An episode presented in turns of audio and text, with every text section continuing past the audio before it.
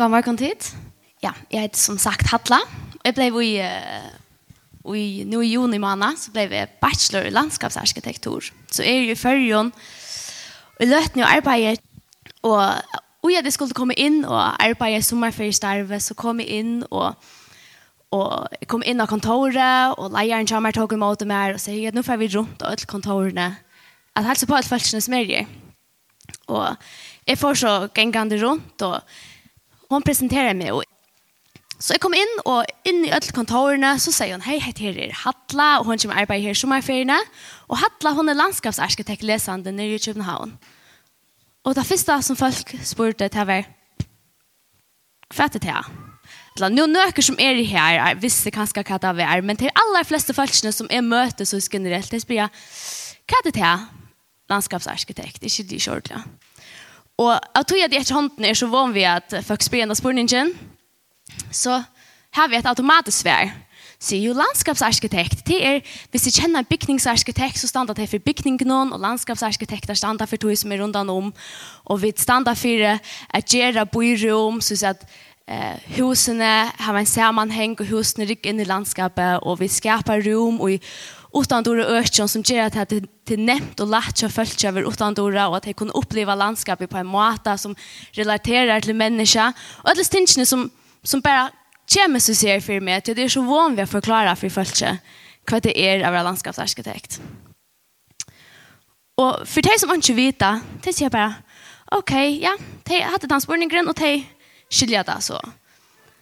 Men så är det en folk som eisen spyrir Å, landskapsarkitekt, er det så, skal du så, hva blomster i havaner, tja feltje. Og ta har vi sin trodla sida, å, jo, det er det, men det er ikke ordentlig at det er allikevel. Altså, det er en parster av det, men det er alltid på omkring måte virka som om at det leser til, jeg vet ikke, en om meg eller noe, så, på omkring mat så är det ikke akkurat det som, som är alltid är essensen och i kvärt är det våra landskapsarkitekt. Och så är det nöker som bara säger jag skiljer kjörla vad vi har bruk för tog. Alltså, är landskap inte bara landskapet? Da kan jeg nesten godt si, jo, det er det egentlig, ja. Landskapet er kanskje bare landskapet, men jeg tykker jo på etter her som jeg har lyst til, annars har jeg ikke lyst til, og jeg alltid at det er viktig. Og hesa samtalen vi følte, og gosse klarer er til at forsvære mot fag, og forsvære hva det er, og jeg har vel lyst jo hva det er i halte, jeg kan vidt og hva det er i halte, er viktigt vi tog.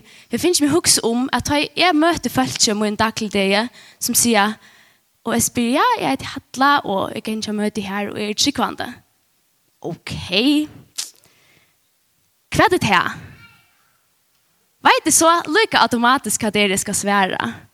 Vet det lykke automatisk at jo, det er Jesus og mer. Og så sier de, nå, er det ikke bare akkurat vi, lykke som de sier, er det ikke bare akkurat vi havån som, nå, er det bare akkurat vi at du ikke ballast i vikskiften noen. Kan være at han typiske spørningen som han fjert, at man kanskje er en grunn student, eller kanskje eist har man er eldre, ja, man helder, så sier vi, nei, det er det faktisk ikke, det er noe mer. Det er kanskje eisende til, men det er noe helt annet allikevel. Og jeg har alltid blitt nesten til bilsen i meg selv at jeg skal doa faktisk nek bedre å forsvære mot fag og det som jeg har lyse, enn jeg ofte doa å fortelle folk hva det er av rett sikvande. Og enn hva det er hva det er doa å si av folk. Og at jeg viser dem og hva det er. Og til du vil legge noen, så er til at jeg kjenner Jesus nek større for meg enn hva mitt fag er, enn hva mitt arbeid er. Så ser vi etter av hvert fall personlig, at det er nek større for meg, men jeg snakker faktisk nek minne om det vi de følelsene som er omgengest. Og jeg har spekulerer sin på etter her i senest, hva er det som gjør at jeg ikke do er ganske nå vel at jeg formulerer meg, eller at det kanskje ikke er noen naturlige parster av det som jeg snakker om. Det som jeg vil lese, det leser jeg kvendt det, Og den automatiske spørningen som folk spør meg er, «Å, oh, hva gjør du så? Og så då man å svære det. Du, man er så vänner å vite. Da vi leser i Rambraunen kapittel 1, vers 1-6, for jeg leser den også kjøtt. Men du må gjerne lukke slå opp hvis det er.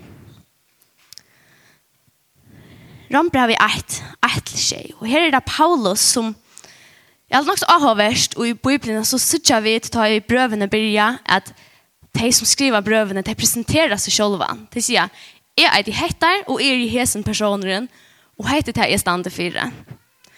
Og her leser vi det som Paulus sier om seg selv. Han sier, Paulus, tjener i Jesu Krist, kattler vår til apostel, Kåsen er kunngjør evangelium gods, som han framman undan i heiloven skriften hei lova vi profeten søgnon, om sån hans er som etter holden hon er føtter av at Davids, og som etter anta heilalegans er vi kraft prekva vår av vera sønner gods, vi oppreisen fra hinnom deg Jesus Kristus, Herre okkara. Vi hånden her, vi finner nøye og apostler embetet til å virke troer luttene mittelen ødel heitning av følelsene. Navnet hans er til heier, mittelen terra er og tid vi hinne kattla av Jesu Krist. Til å lese det her, så får jeg huske godt nok etter å skrive, men hvis jeg skal presentera meg sjåvan, så halt jeg ikke at jeg doer så vel at sier, hette er det jeg er standet det. Det første som Paulus gjør her, til at han, han er pura greier i hver hver han er, og hva det er han gjør. Han sier, er Paulus, og er tjener i Jesus her, apostel, altså, um, kåsna kunger evangelium gods. Det er det første som han presenterer seg selv som, og sier, hette er det jeg gjør det. Og til nästa som han så teker punktene fram, så sier han, men hva er evangeliet så? Det er den nästa spurning man så har sagt. Ja, jag, jeg sikker på hettar. Hettar tar i stand til och og jeg sikker på hettar. Och han eisne beina klarer och säger evangeliet till det som var lova i skriften om, så han viser av profeterna som är det. Han viser av att han är, Jesus var av att Davids, Att Jesus var han lova i konkurren. Och så viser han att han har krafterna som ligger i hele andan, som rester Jesus upp från henne deg. Så på andra måter så teker han de punktene fram som sier «Hettar er det som tryggven som mer er bygd på». Punktum. Bytt tvei mån setningen. Og, og jeg halte at på andra måter er det det som kan skal gjøre at Paulus fær til kraftene som han fær. Til at vi sutja og i öllum brøven og i apostlasøvne gosse nekk var imisk gosse nekk imisk problemer han kommer på i atla tog ja? han, han fer atla togna han vil etsøkter Folk så da spurnar til en vik for at han vil, eller hva han gjør, og hva er det han pratikar. Og tog er det så viktig for han å vite precis hva er han pratikar. Og, og at alla togene kunne se det til som er kompass i sin liv og si hettar det til som er trykker på. Hvis i er nækka, så er det hettar. Og i halte faktisk man kan si at det samme om åkken eisene, tog at Selv om vi kan bygge en land der de fleste vet hva det er av et skikkvande, så halt ikke at de vet at det er veldig. De vet kanskje at det her lukker som hava arbeidet til landskapsarkitekten. De vet at det er noen ting som vi standa for, og det er noen ting vi ikke gjør, og det er noen ting vi gjør. Men ofta så halt de slett ikke at de vet hva det er veldig handlar om. Og hvis vi som tryggvand ikke doer at, at presentera det her, så, så för att jag blev vi att tryckva tog som kanske inte är tan verliga. Ta evangeliet. Hvis vi läser i, i Timotheus är brevet. Kapitel, sen att Timotheus är brevet 1, vers 6 till 14. Paulus bant åren han ta sista brevet till honom. Bant åren han ska han vet att nu är nu är Leo till honom. Og han skriver dette brevet til Timoteus som er hans lærersveiner. Og han Amen han vet ham tingene som sier, hettar er det viktigste for det. Og han han skriver til han og sier, «Gjør hese tingene og ikke gjør hese tingene og minst til hese tingene. Og brevet til han begynner, for begynner i vers 6 til Iron så forklarer han lukka hvor han er etter, og så hvor ut Timoteus er. Men så i vers 6 sier han Tu minne til å at du kveitjer atter nøye gav gods som utgjør er vi avletsing handa møyna. Ty god gav okkon ikkje anda motløyses, men anda kraftar, kærleika og syprojist. Skammast du ikkje vi vittnesboren om herre okkara, etla vi med fenga hansara, men loj illt vi evangelium og kraft gods, som frelste okkon og kalla i okkon vi heilavon kalle, ikkje etter verskon okkara, men etter tog som han sjolvor hei sett seg fire, og etter nøyene som åkken var given og Kristi Jesus er fra evig og tøyen.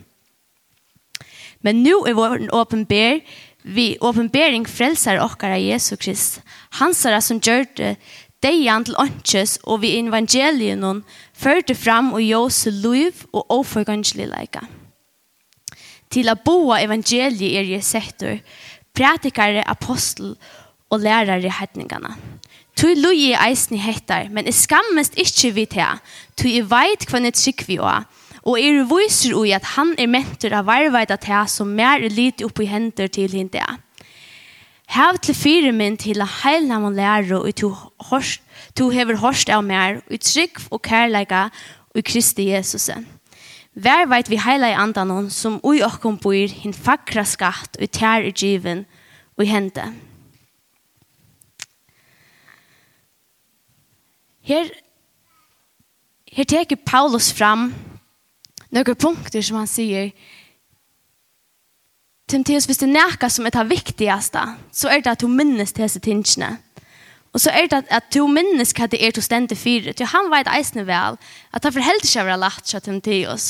Det er ikke lagt alt jeg fyller seg Jesus. Og han vet vel av at det er nekv ting som er problemer og nekv ting som, som ikke ordentlig kunne løse så reelt nevnt. Men allikevel så sier han ikke «Røyne og løs hettar, røyne og løs hattar, røyne og løs hattar». Men han sier vi han «Minst hva det er du tror på. Minst hva det er som to stendte fire» Og jeg halte særlig og fra vers 12 til 14. Tu løy i eisen hettar, men skammest ikkje vi til, tu i veit hvem jeg trygg vi også. og jeg er viser ui at han er mentor av arbeida til, som mer lyder opp i hender til hende. Hav til fyre men dina heilna må lære og i to høver hørst av mer, og i trygg og kærleika og i Kristi Jesus. Vær veit vi heila i andan noen som ui okkom boir, hin fakra skatt, og i tær i giv og i hender. Og vi sitter faktisk eisne Vi er det at, etla, hvis vi færre atter til ta Jesus skulle færre fra, så innan ekne lærersveinen.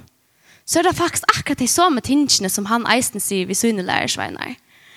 Og i Johannes evangelion vers 14, 19-20 stender, «Luttla stund at skje at, så ser heimeren meg ikke langer, men, men tid suttja meg, Tu er livet og tid skulle liva.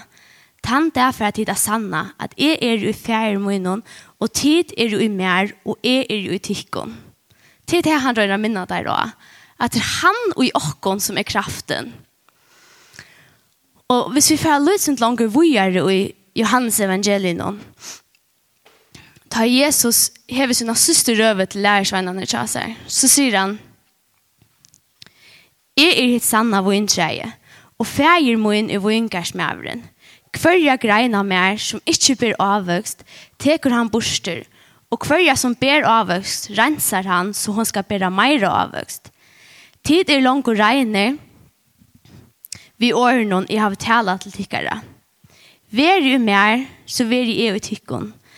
Ens og greinen ikkje bera, kan bera avvøkst, av seg sjølvare, men best til hun vil verande og vintrænon, så kom tid til helter ikke, utan tid vera verande og mer. Jeg er vintræje, tid er greinene, tid som Tan som veru i mer og som er veri ui ber nekvan avvøkst, så skilder fra mer kon dit åndsje gjerra. Tan som ikkje veru i mer vil kasta ut som greinen og følnar, til vera senkare skjerman og kasta jeg i elden og brenna. Vera tid du mer, og vera år mun i tykkon, så bi om hva til så vilja, og til skulle få at det. Og i tog ver fægir mun dormøter, at tid bera nekvan avvøkst, og vera lærersveinar munner. Og hvis vi Jesus røyner her etter, jeg halte det akkurat det samme som han røyner forklarer, som Paulus så teker opp etter, tar han skal forklare, for så er noen lærersveinar på en måte. At Vær du i mer, så skulle du nok klare det. Hvis de vet at for er er og vet at det er og i tikkene som er kraften, så skulle de nok klare det. Og, og hvor er det så, så tja vi til vers, nei, i kapittel 16, tar det Jesus som byr for synen. Og her er alltid eisen etter ordentlig AH-vers, hvis vi leser fra kapittel 15 26. Jeg byr ikke at du skal teka deg ur heimen, men at du skal verve deg fra ytlån. Tei er ikkje av heimenon, enn så er er ikkje av heimenon.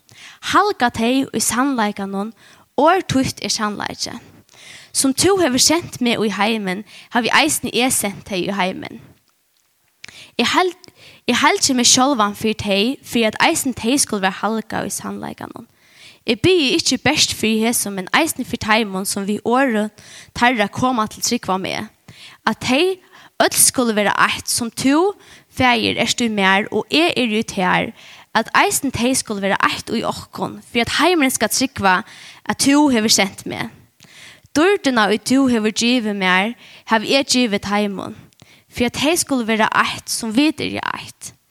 Jeg og heimon og du og mer, for at teg skulle være fullkommen til eit, så heimren skal sanna at du hever sendt meg, og hever elskat teg som du hever elskat meg. Færir, jeg vil at her som er ere skulle eisen teg som to hever givet mer, vera tja mer. For at jeg skulle suttja dårlig mine som to hever givet mer. Tu to hever elska meg, og er en heimeren var grunn av Rett vise færir. Heimeren hever ikke kjent det, men jeg har kjent det, og hese har sanna at to hever kjent meg. Jeg har kunngjørt heim og navn tøyt, og skal kunngjøre heim og til, for jeg kærleikken og to høver elsker meg vi, skal være i heim og er i heim Da jeg sitter og fyrer ikke med til det, så på en kramat vil de bare si at det aller, aller simpleste, Som, som jeg alltid vet alt vita. Vi vet jo alt hva det er det handler om. Eller, de fleste av oss vet hva det er det handler om. Men så jävla nämt har vi att glömma. Det är kanske det är kanske ut i mittlen folk och folk snackar vi med om mina trygg. Så har vi ofta en sån känsla av åh, oh, jag ska jag ska säga så nek, jag ska vita så nek Men det ständer så greit i Bibeln att det som vi skulle vara för folk, det är att vi skulle känna Jesus och fortälja vad det är som vi känner. Så hvis vi känner han som person och känner hur han är, så kan han gå in i jökten och och jeg hade det så greit i Bibelen att det er det det handlar om och på några mått blir det kristna livet så så simpelt da. Det blir inte lika ehm um, komplicera vi att vi får diskutera et møvelig ting som som blir det aller viktigaste. Så hvis vi mata allt upp i måter att det er Jesus som instyr å känna folk. Jesus instyr å känna okkon. Jesus ønsker å kjenne til følelsene som er i åkere løyve, og han ønsker å være en parster av okkara løyve, og det stender så greit i Bibelen at han ønsker å være en parster av okkara løyve.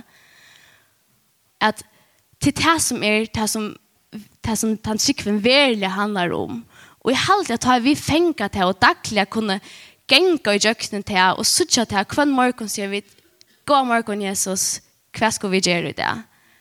At det blir, sykven kan bli så simpel som til at til ta vid verla kunne kvila og jeg vid er her som han ønsker vi skulle være, til annars har han fortalt dere hva vi skulle gjørst. Og at vi, tar vi snakka vi folk, sier til tingene som han ønsker vi skulle sier, tog etter han og jokken, så han må fortelle jokken hva det er vi skulle sier.